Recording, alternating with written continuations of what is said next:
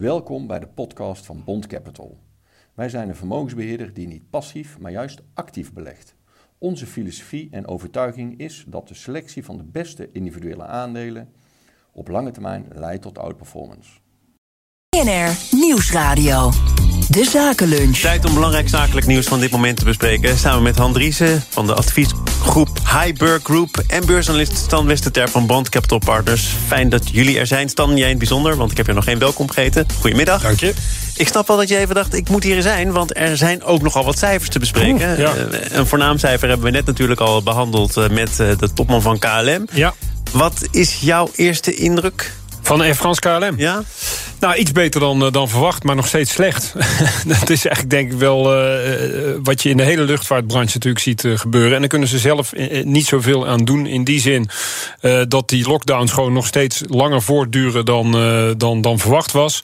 Ehm, je ziet wel het vierde kwartaal dat het wat aantrekt. De verwachting is ook dat het eerste kwartaal nog beter wordt. Hij zegt niet één zwaluw, twee zwaluwen. Ja, precies. Waar ik me alleen een beetje zorgen over maak... en dat, met mij, alle andere beleggers denk ik ook... is niet alleen zozeer, oké, hoe gaan ze dat extra geld ophalen... en wanneer precies, maar ehm, eigenlijk meer de bezetting inderdaad van de vliegtuig. Gaat die zakenreiziger ook terugkeren? We hebben natuurlijk nu al gezien dat eh, corona een heel ander ehm, eh, patroon heeft... voor wat betreft werken. Je, je vliegt niet meer zo even naar Londen toe of naar New York toe voor een meeting... maar dat gaat veel meer digitaal.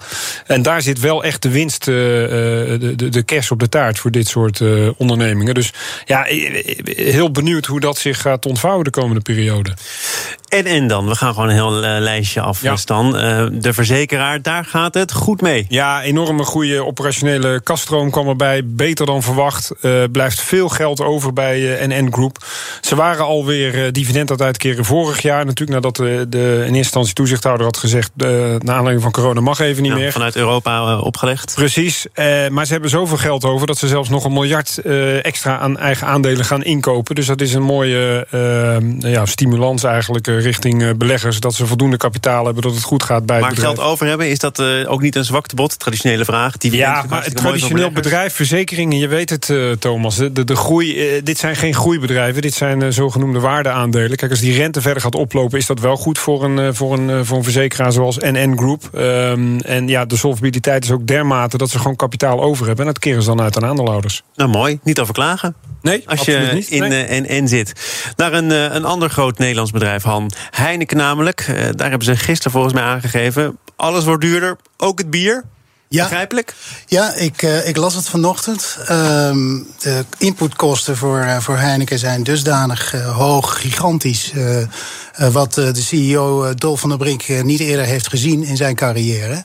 Waardoor hij eigenlijk niet anders kan dan de prijzen verhogen. Maar tegelijkertijd probeert hij ook in te teren op de marges. Door te bezuinigen. En wat ik dan ook interessant vind. Is dat hij ook eh, vol inzet op digitalisering. Ehm, Je ziet een potentiële klant. ja, Oké, nee, dan is het duidelijk. Ehm, ja, en ik denk dat dat verstandig is en dat het slim Tuurlijk. is van hem. Eh, Hij wil eh, de klant centraal stellen en Ja, dat wilden de vorige CEO's ook wel hoor, de klant centraal stellen. Ja, maar wel met behulp van digitale middelen. En, en een directer contact met die klant opbouwen. Door middel van, van apps en, en allerlei digitale technologie. Ehm, hij, zegt, geeft zelf ook eerlijk toe dat dat niet eh, iets is wat, ehm, wat overnight eh, gaat gebeuren. Nee. Maar waar ze wel volop Misschien investeren. dat hij ook denkt, dan heb ik ook wat minder last van eh, moeilijke medewerkers. Want er is natuurlijk recent gestaakt bij Heineken. En de medewerkers zeiden, het mag toch wel een slecht jaar zijn geweest. Maar als ik kijk naar de cijfers, dan zie ik nog altijd winst. Dus waar blijft mijn loonsverhoging? Ja, ik denk dat dat een, ehm, een dilemma is of een spanning die er eh, bij meer bedrijven speelt, maar daar Heineken zeker ook mee te maken. Wat ook wel interessant is, datzelfde artikel las ik in een andere krant eh, vanochtend. En ehm, daar werd ook, eh, werden ook Amerikaanse voedingsproducenten aangehaald, Kellogg en, en PepsiCo. En die gaven aan dat ze wel volledig de, de kosten zullen doorberekenen aan klanten. Zelfs dat het op een niveau zou komen dat eh, klanten eh, een serieuze impact zouden hebben op hun levensstandaard als gevolg daarvan. Dus dat was een quote die ik, eh, Ehm, die ik uit Amerika. Ontbijtgaande, ja. Nou, ja, ik wil graag aan jou vragen, wat vind jij van de stap van Heineken? Om, om dat een beetje in het midden uit te komen. Dus interen op de marge, maar toch ook proberen het een en ander Ja, ik- door te ik- rekenen. Of die ontbijt gaan waarvan je zegt, oké, nou we gaan all the way? Nee, ik bekijk het vanuit wat groter perspectief. Kijk, je hebt natuurlijk. eh, Heineken is niet het enige biermerk in de wereld. Eh, dus je hebt met concurrenten te maken. Heineken, de marge is gemiddeld genomen ietsje minder dan die van AB InBev. Dus die hebben wat minder ruimte. Dus die hebben ook, eh, als ze de, de, de volumes op peil willen houden. en de groei in stand willen houden. dan kunnen ze niet al die prijzen één op één gaan doorberekenen. Dus dat is gewoon een probleem. Tegelijkertijd wil je ook wel inderdaad eh, je omzet en je winst natuurlijk eh, laten blijven groeien. Je medewerkers tevreden houden. Dus het is een heel moeilijk speelveld waar je uiteindelijk op uitkomt. Maar dat geldt niet alleen voor Heineken. Dat geldt voor heel Unilever. En, En, komt, goed. komt Heineken er wat jou betreft nu goed uit? Is dit wat je kunt en moet doen? Eh, nou, ik denk wat, wat ze inderdaad, digitalisering, maar dat, dat zie ik meer als de, de, de premiumization, is dat een goed woord? Hè? Nou, meer ik richting. dat- Ik heb geen idee. Richting de, de, de premium brands, Oh, zo. zoals Heineken Ja. is. Ja, Ehm, ik weet het Nederlandse woord eigenlijk niet. Maar eh, je ziet dat daar inderdaad de marges beter op zijn. Dus ik begrijp heel goed dat ze daar meer naartoe willen voor brand awareness. En nog meer dat willen gaan verkopen, wat ten koste gaat van de lagere marge bier. Nou, dus de exclusieve merken, zou je Juist. zeggen. Ingefluisterd door mijn eindredacteur. Je krijgt van alle kanten hulp. Eh, laten we dan nog even naar jouw eh, streekgenoten gaan, stadsgenoten gaan. cm.com. Ja. Die hebben ook cijfers eh, gepresenteerd. over een uur toelichting van de topman. Maar goed, jij als mede-Breda-inwoner. Wat viel jou op? Nou, wat mij opviel is dat ze eigenlijk aan de bovenkant van de zelf afgegeven range uitkomen die ze eerder al verhoogd hadden. Dus ze hadden een heel goed jaar, 2021. De kernomzet groeide over het hele jaar met bijna 70 procent. vierde kwartaal rond de eh, 50 procent. Alleen de koers gaat toch 8 procent omlaag op dit moment. Omdat eh, ja, Jeroen van Glabbeek, de topman eh, die je dan spreekt, dat zal ook een vraag eh, zijn die je hem denk ik moet stellen, gaat uit van middellange termijn 30 procent omzetgroei. En dat is nogal mager als je kijkt wat ze afgelopen jaren hebben gedaan. Dus de markt wil wat meer weten over ja, die, die, die, die toekomstige Je verwachtingen. zegt heel keurig, wij gaan voor de middellange termijn uit van 30% Gemiddeld, ja. Gemiddeld, dat is dan minder dan voorheen. Ja. Maar uiteindelijk word je natuurlijk ook een steeds groter bedrijf... en wordt het misschien ook steeds Ja. ingewikkelder om... met soortgelijke percentages te groeien. Ja, eens, als je Facebook heet. Maar eh, cm.com is geen Facebook. Eh, de, markt is nog ontzettend groot, een heel groot greenfield. Eh, er is nog ruimte genoeg om door te groeien. En ik, ik weet van de jongens dat ze eh, winstgevende groei willen behalen. Dus meteen eh bottomline eh, operationele marge willen toevoegen. Maar ik zou daar graag zelf wat meer duiding over krijgen. Van, eh, is er nog 30%, is wat Ga mager? je proberen, Stan. Oké, ik hoop dat je een goed antwoord krijgt. Maar het zegt ook wel wat dat als je dit dan eh, voor de middellange termijn voorspelt... Hè, 30% gemiddeld, Ja. hoppakee, 8% eraf.